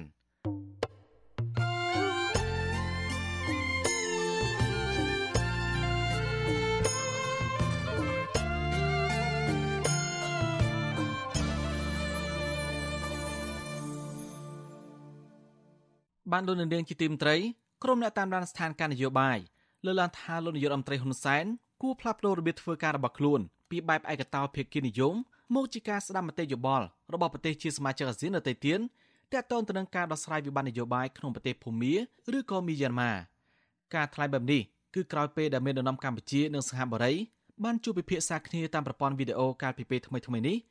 ដោយក្នុងជំនួបនេះសមាភិកីសហបុរីបានរំលឹកនឹងគូបញ្ជាក់ អំពីចំណុចសំខាន់សំខាន់មួយចំនួនទៅកាន់មេដឹកនាំកម្ពុជា បាទលោកនាងនឹងបានស្ដាប់សេចក្តីរាយការណ៍នេះនៅពេលបន្តិចទៀតនេះបាទសូមអរគុណបាទងារទៅមើលការតវ៉ារបស់ក្រុមកម្មករ Nagavel វិញម្ដងក្រុមកម្មករ Nagavel ជឿជាក់ថាការរួមសាមគ្គីគ្នាធ្វើកតកម្មដោយអហិង្សានិងរកកិច្ចអន្តរាគមន៍ពីក្រុមប្រទេសប្រជាធិបតេយ្យមួយចំនួនដើម្បីបង្ហាញពីអំពើអយុត្តិធម៌របស់កម្មករនិងជំរុញឲ្យស្ថាប័នពាក់ព័ន្ធជាពិសេសរដ្ឋាភិបាល យកចិត្តទុកដាក់ដោះស្រាយវិវាទការងារមួយនេះយ៉ាងឆាប់រហ័សមន្ត្រីអង្គការសង្គមស៊ីវិលថាតាមច្បាប់វិវាទការងារមួយនេះមិនពិបាកដោះស្រាយទេប្រសិនបើរដ្ឋអំណាចឈរជាអាជ្ញាកណ្ដាលឯករាជ្យហើយឈប់ដាក់សម្ពាធទៅតំណាងសហជីពនិងកោតក្របាទសូមអញ្ជើញលោកនាងស្ដាប់សេចក្តីរាយការណ៍មួយផ្សេងទៀតពីអ្នកស្រីសុជីវីអំពីរឿងនេះ ក្រុមកម្មការ Nagavel រំពឹងថាភាគីពាក់ព័ន្ធពិសេសរដ្ឋាភិបាលនឹងជួយដោះស្រាយស្របតាមសំណើរបស់ពួកគេតាក់ទងនឹងការដោះលែងតំណាងសហជីពឲ្យមានសេរីភាពមកវិញដើម្បីបន្តចរចាដោះស្រាយបញ្ចប់វិវាទការងារតាមច្បាប់ដោយភាពស្មោះត្រង់និងឥតលំអៀងបុគ្គលិកដែលមានផ្ទៃពោះធ្វើការនៅផ្នែកចែកបៀរយៈពេល6ឆ្នាំគឺលោកស្រីហៅម៉ាលីប្រាប់វិទ្យុអាស៊ីសេរីកាលពីថ្ងៃទី16ខែមករាថាលោកស្រីមិនមានឈ្មោះបញ្ឈប់ពីការងារទេ ប៉ុន្តែលោកស្រីនិងបុគ្គលិកផ្សេងទៀតបានចូលរួមធ្វើកោតកម្មជាមួយក្រុមកម្មករ Nagavel ដោយមិនខ្លាចនឿយហត់លោកស្រីបន្ថែមថាអវត្តមានសហជីពនៅក្នុងក្រុមហ៊ុននេះនឹងធ្វើឲ្យពួកគាត់គ្មានស្ថិរភាពការងារនិងបន្តរងអំពើអយុត្តិធម៌នៅថ្ងៃណាមួយដូចគ្នាដែរកម្មករវ័យ32ឆ្នាំរូបនេះឲ្យដឹងថារហូតមកដល់ពេលនេះក្រុមកោតក្រភៀកច្រើននៅតែរក្សាស្មារតីនិងជំហររឹងមាំដដែលហើយពួកគាត់ជឿជាក់ថា ការអត់ធ្មត់និងសាមគ្គីភាពដោយអហិង្សានិងសន្តិវិធីនឹងជំរុញឲ្យភាគីពាក់ព័ន្ធជាពិសេសរដ្ឋាភិបាលយកចិត្តទុកដាក់ដោះស្រាយបញ្ចប់វិវាទនិងដោះលែងតំណាងឲ្យមានសេរីភាពឡើងវិញនៅពេលខាងមុខនេះ។ កោតកម្មជាមួយក្រុមហ៊ុន Nagawal តែមានការរៀបរៀងពីអាជ្ញាធររាជធានីភ្នំពេញគឺគ្រប់រូបភាពតែម្ដងខ្ញុំនៅតែមានជំនឿថានឹងមានការដោះស្រាយវិវាទនេះឆាប់ឆាប់ព្រោះអីពួកខ្ញុំធ្វើនេះគឺដើម្បីឆ្នាំងបាយដើម្បីសិទ្ធិសេរីភាពនៅកន្លែងធ្វើការពួកយើងនឹកឃើញថានៅកន្លែងធ្វើការមួយអត់មានវត្តមានខាងសហជីពទេគឺពិបាកពួកខ្ញុំមែនតើហ្មងជាមួយគ្នានេះក្រុមអង្គការសង្គមស៊ីវិលក៏បានធ្វើយុទ្ធនាការតាមបណ្ដាញសង្គម Facebook ជាបន្តបន្ទាប់ ទាមទារឲ្យអាជ្ញាធរត្រូវដោះលែងថ្នាក់ដឹកនាំនិងសមាជិកសហជីព8នាក់ជាបន្ទាន់និងដោយគ្មានលក្ខខណ្ឌសង្គមស៊ីវិលស្នើឲ្យសាលាដំបងរាជធានីភ្នំពេញលុបចោលដីកាសម្រាប់ចាត់ចែងបណ្ដោះអាសន្នចុះកាលពីថ្ងៃទី16ខែធ្នូឆ្នាំ2021ដែលចាត់ទុកកោតកម្មរបស់ក្រុមកម្មករ Nagavel នេះថាជាកោតកម្មខុសច្បាប់ កាលពីថ្ងៃទី16ខែមករាក្រុមកោតក្របានប្រមូលផ្ដុំគ្នាធ្វើកោតកម្មដោយអហិង្សាដោយសពដង នៅក្បែររបងរដ្ឋសភានិងស្ថានទូតនៃប្រទេសអូស្ត្រាលីដោយបានលើកបដាទាមទារយុត្តិធម៌និងសមាធិភាវនាបួងសួងឲ្យឆាប់ទទួលបានដំណោះស្រាយចំណែកអាជ្ញាធរស្លៀកពាក់ឯកសន្តាននិងស៊ីវិល បានដាក់ពង្រាយកងកម្លាំងដោយដាក់រនាំងបិទផ្លូវរារាំងកោតកោធ្វើដំណើរទៅប្រមូលផ្ដុំគ្នានៅមុខអគារក្រុមហ៊ុនហើយហាមឃាត់ទីតាំងនៅក្បែរកន្លែងកោតកម្មនោះកុំឲ្យទទួលផ្ញើម៉ូតូរបស់ពួកគាត់អញ្ញាធរក៏បានប្រមានម្ចាស់ហាងឲ្យបិទបន្ទប់ទឹកមិនឲ្យកោតកោដែលភៀកច្រើនជាស្ត្រីចូលទៅប្រើប្រាស់នោះទេជាមួយគ្នានេះមន្ត្រីក្រសួងការងារបានចាក់ខ្សែអត្ថសម្លេងអំពីខ្លឹមសារលិខិតរបស់ក្រសួងជាច្រើនលើកច្រើនសារដោយអញ្ជើញកោតកោឬតំណាងគណៈកម្មការ ឲ្យចូលទៅចរចាលើលក្ខខណ្ឌមួយចំនួនដែលមិនទាន់ឯកភាពគ្នាប៉ុន្តែក្រុមកោតក្របញ្ជាក់ជំហរថាពួកគាត់មិនចូលចរចាតាមការអញ្ជើញរបស់ក្រសួងនោះទេលើកកឹកណាអាញាធរមិនដោះលែងតំណាងរបស់ពួកគាត់ឲ្យមានសេរីភាពឡើងវិញវិទ្យុអាស៊ីសេរីមិនអាចតាក់ទងแนะនាំពាក្យក្រសួងការងារលោកហេងសួរដើម្បីសាកសួរអំពីរឿងនេះបានទេ នៅថ្ងៃទី16ខែមករាជុំវិញរឿងនេះប្រធានសហព័ន្ធសហជីពកម្មករចំណីអាហារនិងសេវាកម្មកម្ពុជា អ្នកស្រីអ៊ូទេផូលីនថ្លែងថាការធ្វើទុកបុកម្នេញនឹងការចាប់ថ្នាក់ដឹកនាំសហជីពដាក់ពន្ធនាគារកន្លងមកគឺជារូបភាពឬក៏ជាតាក់ទិចបំបាក់ស្មារតីនិងរារាំងសកម្មភាពចេញតវ៉ាទាមទាររបស់ក្រុមកម្មករដែលហ៊ានងើបតវ៉ាផ្ទុយទៅវិញអ្នកស្រីមើលឃើញថាក្រុមកោតក្រមិនបានភ័យខ្លាចហើយសន្ទុះនៃការទៀមទារបស់ពួកគេក៏មិនថមថយនោះទេដោយសារតែក្រុមកោតក្រមានជំនឿដែលកើតចេញពីការបដិញ្ញាចិត្ត មិននៅស្ងៀមមិនរាថយមិនបោះបង់ចោលនៅគោលដៅដើម្បីវត្តមានសហជីពនៅកន្លែងការងារនិងទៀមទាលក្ខខណ្ឌការងារអ្នកស្រីថាពួកគេនៅតែបន្តផ្ញើសារទៅរដ្ឋាភិបាលថាមិនត្រូវអនុញ្ញាតឲ្យថៃកែរំលោភសិទ្ធិកម្មករទៅតាមទំនឹងចិត្តតទៅទៀតនោះទេ វិវាទមួយនៅពេលដែលពិបាកដោះស្រាយបំផុតនៅពេលដែលវិវាទរវាងកម្មករយោជកជាមួយនឹងនយោជកប៉ុន្តែមានការជ្រៀតជ្រែកហើយជ្រុំជ្រែងពីអាជ្ញាធរតួយ៉ាងយើងមើលឃើញច្បាស់ហើយថាពេលដែលមានការទៀមទាកោតកម្មពីកម្មករយោជកនៅ Naga បែរជាមានការបកកើតករណីមួយបង្វែបង្វិលសាច់រឿងពហិសាច់រឿងពលឹះឲ្យទៅជារឿងឯណាបដិវត្តពណ៌តែផ្ទុយពីគោលដៅរបស់កម្មករយោជកការអូសបន្លាយនៃដំណោះស្រាយវិវាទការងារនេះបង្ហាញពីភាពអសកម្មរបស់រដ្ឋាភិបាលនិងភាគីពាក់ព័ន្ធនៅក្នុងការស្វែងរកដំណោះស្រាយសាលាដំបងរាជធានីភ្នំពេញបានឃុំខ្លួនបណ្ដោះអាសន្នប្រធានសហជីពត្រួតត្រងសិទ្ធិការងារបុគ្គលិកកម្មករខ្មែរនៃក្រុមហ៊ុន Nagavel កញ្ញាឈឹមស៊ីធនិងសហជីព7នាក់ទៀតនៅក្នុងពន្ធនាគារព្រៃសរក្រោមបទចោទញុះញង់បង្កឲ្យមានភាពវឹកវរធ្ងន់ធ្ងរដល់សន្តិសុខសង្គម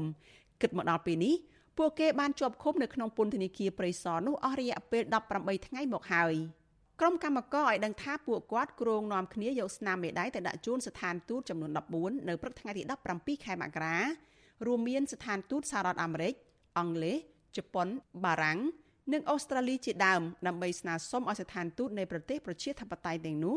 ជួយអន្តរាគមន៍ទៅអាជ្ញាធរឲ្យដោះលែងតំណាងសហជីព Nagawal ទាំង8នាក់ឲ្យមានសេរីភាពវិញជាបន្ទាន់និងដោយគ្មានលក្ខខណ្ឌ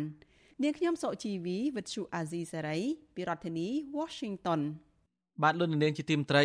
ក្រុមអ្នកតាមដានស្ថានភាពនយោបាយលើកឡើងថាលោកនាយករដ្ឋមន្ត្រីហ៊ុនសែនគួរផ្លាស់ប្តូររបៀបធ្វើការរបស់ខ្លួនពីបែបឯកតោភាគីនិយម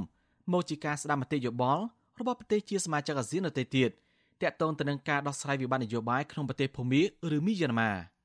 ការថ្លែងបែបនេះគឺក្រោយពេលដែលមានដំណាំកម្ពុជានិងសិង្ហបុរីបានជួបពិភាក្សាគ្នាតាមប្រព័ន្ធវីដេអូកាលពីពេលថ្មីៗនេះ ដោយក្នុងជំនួបនេះសមាភិកីសង្ហបុរីបានរំលឹកនឹងគូបញ្ជាក់អំពីចំណុចសំខាន់សំខាន់មួយចំនួនទៅកាន់មេដឹកនាំកម្ពុជាបាទពីរដ្ឋធានីវ៉ាស៊ីនតោនលោកមេរិតរាយការណ៍ព័ត៌មាននេះការពិភាក្សានិងស្ដាប់មតិយោបល់ពីមេដឹកនាំប្រទេសសមាជិកអាស៊ានដទៃទៀត តាក់ទងទៅនឹងដំណោះស្រាយវិបត្តិនៅប្រទេសភូមាគឺជាគន្លឹះសំខាន់ដែលលោកនាយករដ្ឋមន្ត្រីហ៊ុនសែនគួរតែប្រកាន់ខ្ជាប់ដើម្បីរក្សាសាមគ្គីភាពនិងឯកភាពរបស់អាស៊ានម្យ៉ាងវិញទៀតជំហរពហុភាគីនិយមនេះនឹងជួយឲ្យកម្ពុជាដែលជាប្រធានបដូវវេនអាស៊ានអាចរៀបចំកិច្ចប្រជុំកំពូលនិងកិច្ចប្រជុំពាក់ព័ន្ធទាំងឡាយរបស់អាស៊ានបានដោយរលូននេះបើតាមការអះអាងរបស់អ្នកតាមដានស្ថានភាពនយោបាយកម្ពុជានិងអាស៊ាន អ្នកជំនាញខាងវិទ្យាសាស្ត្រនយោបាយលោកអែមសវណ្ណារា មានប្រសាសន៍ថាក្នុងនាមជាប្រធានបដូវវេនអាស៊ានមេដឹកនាំកម្ពុជា គួរតែបត់បែនតាមនយោបាយតំបន់និងអន្តរជាតិហើយនោះគឺការបដិសេធវត្តមានមេដឹកនាំរបបសឹកភូមានៅក្នុងកិច្ចប្រជុំទាំងឡាយរបស់អាស៊ាននិងធ្វើការជាមួយភាគីពាក់ព័ន្ធដទៃទៀតក្រៅពីរបបសឹកជាពិសេសភាគីរដ្ឋាភិបាលរូបរួមជាតិរបស់ក្រុមអ្នកស្រីអ៊ុងសានស៊ូជី លោកអែមសវណ្ណារាពន្យល់ថាឋានៈជាប្រធានបដូវវេនអាស៊ានមិនមានសិទ្ធិអំណាចសម្រាប់ការងារអ្វីតែម្នាក់ឯងនោះទេពលគឺត្រូវមានការឯកភាពពីសមាជិកដទៃទៀតនិយាយទៅប្រធានអាស៊ានអត់មានសិទ្ធិអីធំដុំទេគ្រាន់តែសម្របសម្រួលកិច្ចប្រជុំ អញ្ចឹងវាត្រូវការសម្លេងព្រមព្រៀងឯកច្ឆន្ទពីសមាជិកអាស៊ាននៅទីទៀតអញ្ចឹងបើសមាជិកមួយបដិសេធគឺវាអត់ទាំងអស់អញ្ចឹងហើយបានអាស៊ានគេលើកបញ្ហានេះឡើងក៏ជាមួយជាក្តីបារម្ភពីភាពជាប់គាំងនៃដំណើរការប្រជុំអាស៊ានហើយវាអាចខូចទៅដល់ដំណើរនៃអាស៊ានទាំងមូលទោះបីជាកម្ពុជាគិតថាវាមិនមែនផលប្រយោជន៍ខ្លួនឯងសុទ្ធសាធក៏វាផលប្រយោជន៍អាស៊ានទាំងមូលហើយក៏មុខមាត់កម្ពុជានៅលើឆាកអន្តរជាតិទៅលើនយោបាយកម្ពុជាក្នុងតំបន់និងអន្តរជាតិដែរ ការលើកឡើងរបស់អ្នកតាមដានស្ថានភាពនយោបាយបែបនេះធ្វើឡើងក្រោយពីលោកនាយករដ្ឋមន្ត្រីហ៊ុនសែនបានជួបពិភាក្សាការងារជាមួយនាយករដ្ឋមន្ត្រីសង្ហបុរីលោកលីស៊ីនឡុងតាមប្រព័ន្ធវីដេអូកាលពីថ្ងៃទី14ខែមករាពលគឺរយៈពេលមួយសប្តាហ៍ក្រោយពេលលោកវិលត្រឡប់ពីដំណើរទស្សនកិច្ចដ៏ចម្រូងចម្រាសរបស់លោកទៅកាន់ប្រទេសភូមា លោកហ៊ុនសានមិនបានឲ្យដឹងលម្អិតនោះទេអំពីខ្លឹមសារនៃជំនួបជាមួយសមាភិកីសង្ហបុរីលោកគ្រាន់តែបង្ហោះសារនៅលើទំព័រ Facebook ថាលោកបានប្រាប់លោកលីស៊ីនឡុងអំពីគោលបំណងនិងលទ្ធផលនៃដំណើរទស្សនកិច្ចទៅកាន់ប្រទេសភូមាលោកអះអាងថាលោកមានបំណងជួយដោះស្រាយវិបត្តិនៅប្រទេសភូមាដោយធ្វើយ៉ាងណាបញ្ឈប់អំពើហិង្សា បង្កើតបទឈប់បាញ់ ផ្ដល់ជំនួយមនុស្សធម៌ដល់ពលរដ្ឋភូមានិងជំរុញឲ្យមានការសន្ទនាគ្នាពេលលោកធ្វើជាប្រធានអាស៊ានក្នុងឆ្នាំ2022នេះក្រសួងការបរទេសកម្ពុជា បានស្រង់សំណេររបស់លោកហ៊ុនសែនយកទៅផ្សព្វផ្សាយបន្តនៅលើទំព័រ Facebook ផ្លូវការរបស់ខ្លួនដោយមិនបានផ្ដល់ព័ត៌មានអ្វីបន្ថែមទៀតនោះទេគណៈរដ្ឋមន្ត្រីការបរទេសលោកប្រាក់សុខុនក៏មានវត្តមាននៅក្នុងកិច្ចប្រជុំនោះដែរ រីឯទីភ្នាក់ងារសារព័ត៌មានកម្ពុជា AKP អះអាងថានាយករដ្ឋមន្ត្រីសង្ហបុរីគាំទ្រចំពោះការខិតខំរបស់កម្ពុជា នៅក្នុងការចូលរួមចំណែកដោះស្រាយវិបត្តិនៅភូមិនេះផ្ទុយពីលោកហ៊ុនសែនក្រសួងការបរទេសកម្ពុជានិងផ្ទុយពីប្រព័ន្ធឃោសនារបស់រដ្ឋខាងក្រសួងការបរទេសសង្ហបុរីឯនោះវិញ បានផ្ដល់ព័ត៌មានលម្អិតជាច្រើនចំណុចតាមរយៈសេចក្តីប្រកាសព័ត៌មានកាលពីថ្ងៃទី15ខែមករា ជាពិសេសគឺជំហររបស់សង្ហបុរីក្នុងការបដិសេធវត្តមានរបស់មេដឹកនាំរបបសឹកភូមិនៅក្នុងកិច្ចប្រជុំអាស៊ានក្រសួងការបរទេសសង្ហបុរីឲ្យដឹងថាលោកលីស៊ីនឡុងបានលើកឡើងទៅកាន់លោកហ៊ុនសែនថាអាស៊ានគួរតែរក្សាសេចក្តីសម្រេចការពីកិច្ចប្រជុំកម្ពុជាលើកទី38និង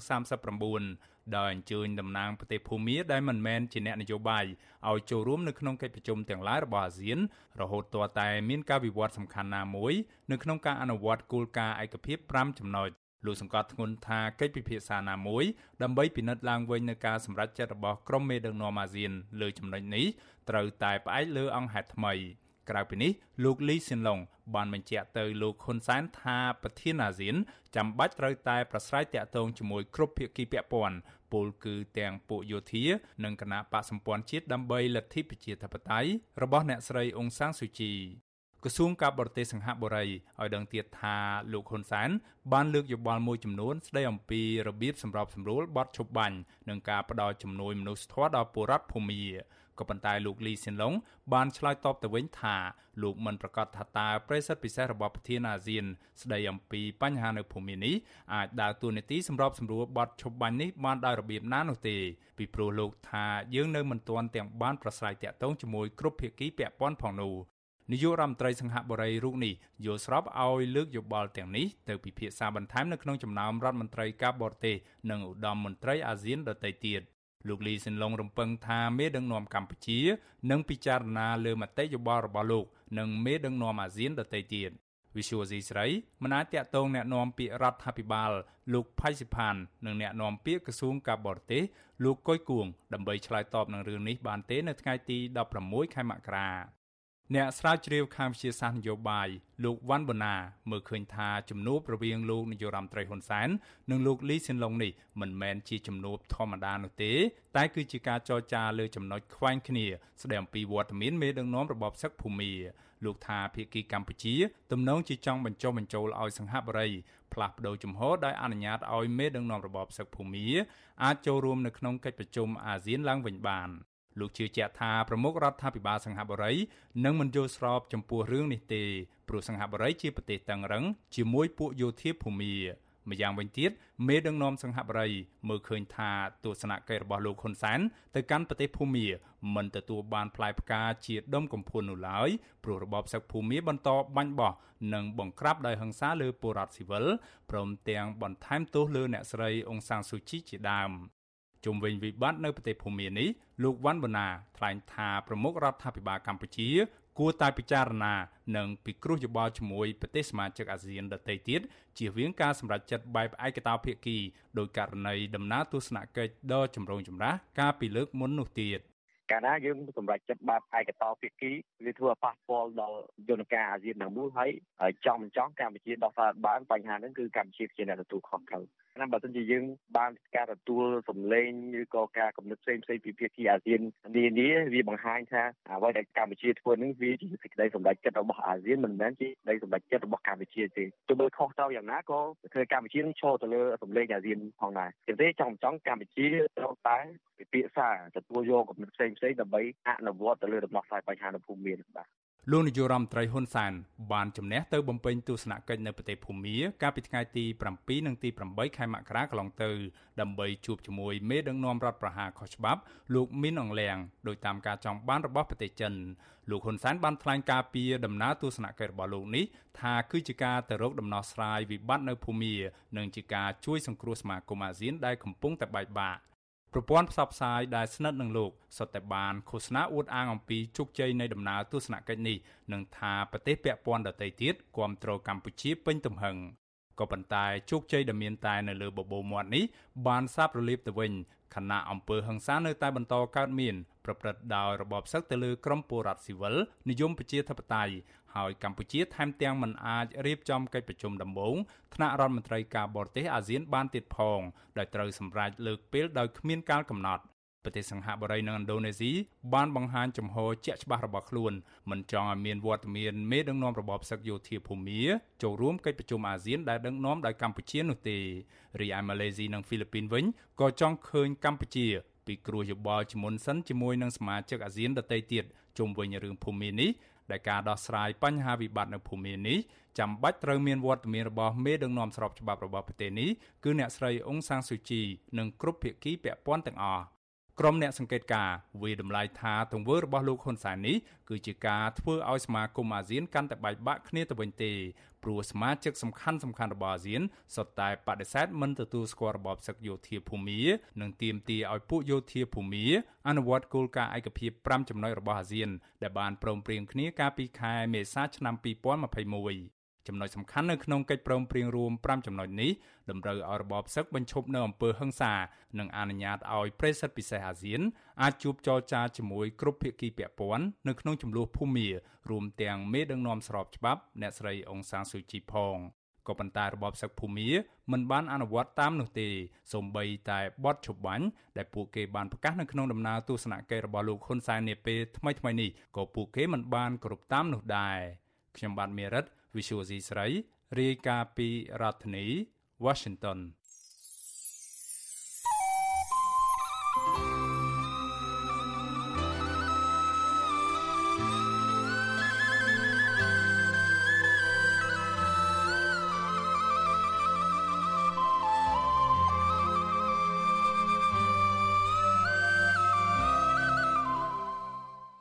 បានលោកនាងជាទីមត្រី ប្រជាប្រដ្ឋដែលរងគ្រោះដោយសារទំនប់វារីអគ្គិសនីសេសានក្រំ2នៅខេត្តស្ទឹងត្រែងកំពុងតតម្រេះមិនដឹងថាត្រូវរមនយោបាយបែបណាដើម្បីការពារប្រិយសហគមន៍ភូមិក្បាលរមៀសឲ្យគង់វង្សនោះទេដោយសារអាញាធននៅតែពន្យាពេលមិនអើពើចុះបញ្ជីដោយប្រិយស្មោភាពតាមសំណើរបស់សហគមន៍អ្នកភូមិថាក្រុមហ៊ុនចិនស៊ីវហ្គិចបានដំឡើងដេប៉ូអាឈើខ្នាតធំនៅជាប់ប្រិយសហគមន៍នេះដែលបង្កហានិភ័យខ្លាំងដល់សវត្ថិភាពព្រៃឈើសត្វព្រៃនិងកន្លែងអាស្រ័យផលព្រៃឈើយ៉ាងសំខាន់របស់អ្នកភូមិ បានពីរដ្ឋធានីវ៉ាស៊ីនតោនលោកលេម៉ាលីរាយការណ៍ព័ត៌មាននេះជនជាតិដើមភាគតិចភ្នង53គ្រួសាររស់នៅឃុំក្បាលរមៀសស្រុកសេសានភ័យព្រួយពីជោគវាសនាព្រៃសហគមន៍ក្បាលរមៀសទំហំជាង7000ហិកតា កំពុងប្រឈមការបាត់បង់ទ្រង់ទ្រាយធំ នៅក្នុងឆ្នាំ2022ការលើកឡើងនេះគឺក្រោយពីអ្នកភូមិប្រទះឃើញការដ្ឋានក្រុមហ៊ុនចិនឈ្មោះ Silgate បានតម្លើងម៉ាស៊ីនអាចជ្រៀកឈើខ្នាតធំនៅជាប់ព្រៃសហគមន៍ ដើម្បីធ្វើអាជីវកម្មឈើទ្រង់ទ្រាយធំជាថ្មីទៀតនៅតំបន់នោះបង្កការគំរាមកំហែងធ្ងន់ធ្ងរដល់សវត្ថិភាពព្រៃសហគមន៍ដែលអ្នកភូមិអភិរក្សតំណាងសហគមន៍និយាយថានៅតំបន់នោះបើក្រៅពីព្រៃសហគមន៍ភូមិក្បាលរមៀសគ្មានដើមឈើធំធំសម្រាប់ឲ្យក្រុមហ៊ុនកាប់ធ្វើអាជីវកម្មនោះទេតំណាងសហគមន៍ក្បាលរមៀសលោកស្រីសាំងឡាញ់ឲ្យដឹងនៅថ្ងៃទី10មករាថាប្រការដែលអាជ្ញាធរពន្យាពេលមិនចុះបញ្ជីដីព្រៃសហគមន៍ភូមិក្បាលរមៀស គឺផ្ដល់ឱកាសឲ្យក្រុមហ៊ុនចិននិងជនខិលខូចមួយចំនួនបន្តកាប់បំផ្លាញដើមឈើធំធំស្ថិតក្នុងព្រៃសហគមន៍ប៉ះពាល់ជំរកសត្វព្រៃនិងកន្លែងរកអនុផលព្រៃឈើរបស់អ្នកភូមិលោកស្រីថាក្រុមហ៊ុននេះបានផ្អាកធ្វើអាជីវកម្មជាច្រើនឆ្នាំមកហើយប៉ុន្តែកំពុងចាប់ផ្ដើមដំណើរការឡើងវិញនៅរយៈពេលជាង3សប្តាហ៍ចុងក្រោយនេះធ្វើឲ្យអ្នកភូមិព្រួយចិត្តខ្លាចក្រែងក្រុមហ៊ុនបញ្ជូនកម្លាំងកម្មករកាប់ឈើក្នុងព្រៃសហគមន៍បន្តទៀត ក្រុមហ៊ុនពួកគាត់កំពុងតម្លើង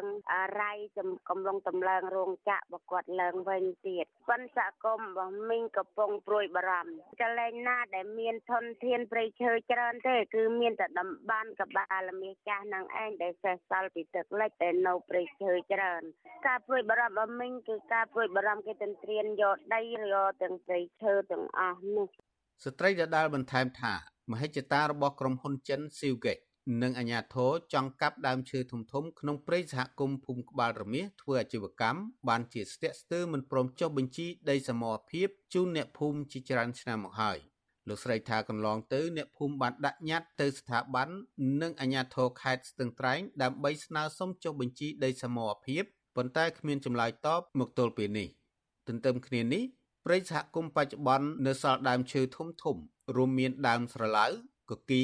ផ្ចឹក កកោះនិងឈើទាលជាដើម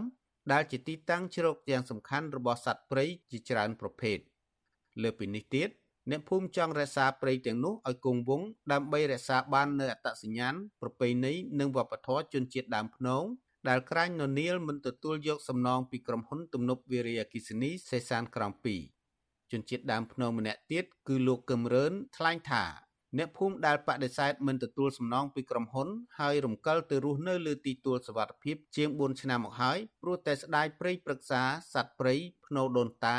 និងព្រៃអរិយជាដើមស្ថិតក្នុងព្រៃសហគមន៍នេះលោកថាបំណងរួមរបស់ប្រជាសហគមន៍គឺចង់រក្សាព្រៃឈើឲ្យគង់វង្សព្រោះធនធានធម្មជាតិជាអាយុជីវិត និងប្រភពសេដ្ឋកិច្ចយ៉ាងសំខាន់របស់អ្នកភូមិជាច្រើនចំនួនមកហើយប្រសិនបើរដ្ឋាភិបាលមិនដោះស្រាយបញ្ហានេះទេ អ្នកភូមិនឹងលំបាកវេទនាទាំងកាយនិងចិត្តមួយកម្រិតទៀតបើសិន ថាដីហ្នឹងទាំងប្រមាណហ្នឹងបើថារដ្ឋាភិបាលគាត់ប្រគល់ឲ្យក្រុមហ៊ុនទាំងអស់ហ្នឹងឲ្យជាប្រតិចអញ្ចឹងទៀតជាប្ររដ្ឋរដ្ឋបាលរូបនោះបំមិនដូចក៏ពូដូចជាក្បីហ្នឹងឲ្យនៅតាណាអញ្ចឹងទេពិបាកនិយាយទេជាប្ររដ្ឋគឺគាត់ថាក្រុមហ៊ុនមកទូឆ្ងាយគឺជាប្ររដ្ឋប្រទប់ស្កាត់ហ្នឹងនៅអានឹងជាប្រៃឈើហ្នឹងឧទាហរណ៍ទី1ដូចជាគាត់រកអូដេរោបាច់កណ្ដាប់ទៅក្នុងក្នុងហ្នឹងដែលថាប្រាក់ចំណូលគាត់ទៅថ្ងៃណាបើមិនបានឈើនឹងអស់ទេជាប្ររដ្ឋគាត់នឹងរកស៊ីស្អីអត់នេះទេ វិទ្យុអស៊ីសេរីមិនទាន់អាចតាក់ទងតំណាងក្រុមហ៊ុន Silgate ដើម្បីសុំការបំភ្លឺអំពីរឿងនេះបាននៅឡើយទេនៅថ្ងៃទី10មករាកាលពីដើមឆ្នាំ2021កន្លងទៅអាជ្ញាធរនិងតំណាងក្រុមហ៊ុនបោះបង្គោលព្រំដីនៅចំកណ្ដាលភូមិនិងក្បែរសសរផ្ទះបំពេញចូលដីស្រែរបស់សហគមន៍ប្រជាសហគមន៍ថាអាជ្ញាធរខេត្តនេះមានផែនការកាត់ជ្រឿលដីសហគមន៍ភូមិក្បាលរមៀសស្ទើរតែទាំងស្រុង ដើម្បីវិនិយោគឲ្យក្រុមហ៊ុនចិនកាប់បំផ្លាញព្រៃឈើនិងបំផ្លាញកន្លែងអាស្រ័យផលដ៏សំខាន់របស់សហគមន៍នៅតំបន់នោះឆ្លើយតបរឿងនេះអ្នកនាំពាក្យសាលាខេត្តស្ទឹងត្រែងលោកម៉ែនគង់បកស្រាយថាកិច្ចការនេះរដ្ឋបាលខេត្តបានបង្កើតក្រុមការងារជំនាញមួយដើម្បីចុះទៅពិនិត្យជាមួយប្រជាសហគមន៍ក្បាលរមៀក្នុងបំណងរកច្រកចេញលោកថាផ្ទៃដីជាក់ស្ដែងសម្រាប់ចុះបញ្ជីដីសមរភាពជូនប្រជាពលរដ្ឋទំហំជាង900ហិកតាប៉ុណ្ណោះខ ណៈដែលអ្នកភូមិស្នើសុំចុះបញ្ជីមានទំហំធំធេងពេកប៉ះពាល់តំបន់ផ្សេងទៀតយើងឃើញថាផែនទីដែលគាត់ស្នើមកនោះវាមានតែផ្ទៃទឹកផ្ទៃទៀតជារួមផ្ទៃទឹកក៏យើងនឹងបកគលជូនគាត់ដូចនេះប៉ុន្តែបកគលក្នុងទស្សនវិជ្ជាមួយផ្សេងហើយដូច្នេះហើយយើងត្រូវជជែកជាមួយគាត់ឲ្យបានយល់ពីនីតិវិធីសិនចុះបញ្ជីដីសហគមន៍ជាជាសមរភាពដីសហគមន៍ជនជាតិដើមភាគតិចយើងចុះផ្ទៃដីយើងអត់ទៅចុះទាំងផ្ទៃទឹកហ្នឹងទេប៉ុន្តែផ្ទៃទឹកយើងនឹងឲ្យគាត់បង្កើតជាសហគមន៍នេសាទយើងរយច្រកអញ្ចឹងជាមួយគាត់តទៅទៀត ព្រៃសហគមន៍ក្បាលរមៀមានផ្ទៃដីជិត8000ហិកតាសហគមន៍បានស្នើសុំចុះបញ្ជីជាព្រៃអភិរក្សចាប់តាំងពីឆ្នាំ2012រហូតដល់ឆ្នាំ2018ទើបក្រសួងមហាផ្ទៃសម្រេចចុះបញ្ជីជនជាតិដើមភាគតិចរស់នៅតំបន់នោះជាស្វ័យអត្តសញ្ញាណព្រៃសហគមន៍នេះក្រមពលរដ្ឋបានកំណត់លក្ខន្តិកៈផែនទីបទបញ្ជាផ្ទៃក្នុង និង GPS កំណត់ព្រំប្រទល់ ដែលមានការជួយជ្រោមជ្រែងពីអង្គការសង្គមស៊ីវិលនិងមន្ទីរអភិវឌ្ឍជនបទកាលពីដើមឆ្នាំ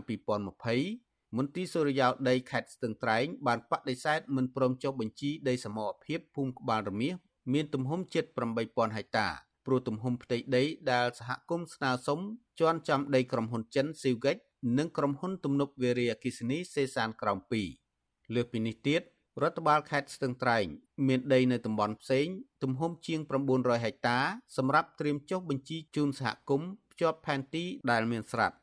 ជំវិញរឿងនេះមន្ត្រីសង្គមស៊ីវិលសង្កេតឃើញថាការដោះស្រាយវិវាទរបស់អាជ្ញាធរតែងតែលំអៀងទៅរកភាគីក្រុមហ៊ុន ដោយមិនបានការពារផលប្រយោជន៍របស់ពលរដ្ឋនោះទេ ប្រការនេះធ្វើឲ្យការស្វែងរកដំណោះស្រាយរបស់អាជ្ញាធរច្រើនតែបរាជ័យនិងមានការថ្នាំងថ្នាក់ពីពលរដ្ឋ មន្ត្រីសម្របសម្រួលសមាគមអាត់ហុកខេត្តស្ទឹងត្រែង លោកប៊ីវ៉ានីយល់ថាអាជ្ញាធរគួរតែទទួលយកសំណើរបស់ពលរដ្ឋដោយបង្ហាញមូលហេតុច្បាស់លាស់ដើម្បីស្នើសុំរដ្ឋាភិបាលពិនិត្យសម្រេចជុំវិញរឿងនេះធ្វើយ៉ាងណាឲ្យពលរដ្ឋអាចទទួលបានដំណោះស្រាយសមរម្យ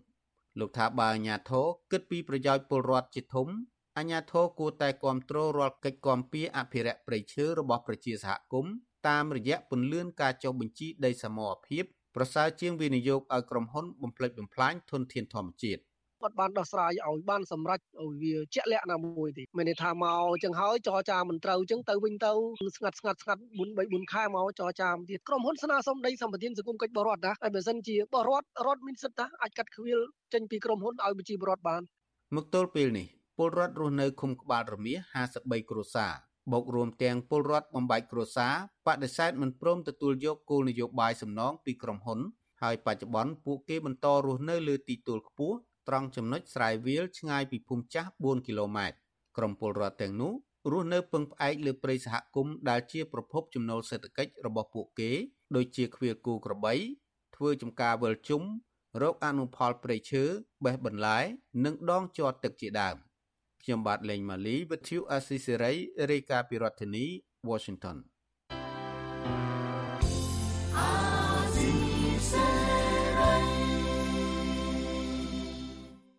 បានលោកនាងកញ្ញាអ្នកស្ដាប់វិទ្យុអេស៊ីសរ៉ៃជាទីមេត្រីការផ្សាយរយៈពេល1ម៉ោងនៃវិទ្យុអេស៊ីសរ៉ៃនៅពេលនេះចប់តែប៉ុណ្ណេះយើងខ្ញុំសូមជូនពរដល់លោកនាងព្រមទាំងក្រុមគ្រួសារទាំងអស់ឲ្យជួបប្រកបតែនឹងសេចក្តីសុខចម្រើនរុងរឿងកុំបីឃ្លៀងឃ្លាតឡើយខ្ញុំបាទសនចាររថាព្រមទាំងក្រុមការងារទាំងអស់ នៃវិទ្យុអេស៊ីសរ៉ៃសូមអគុណនិងសូមជម្រាបលា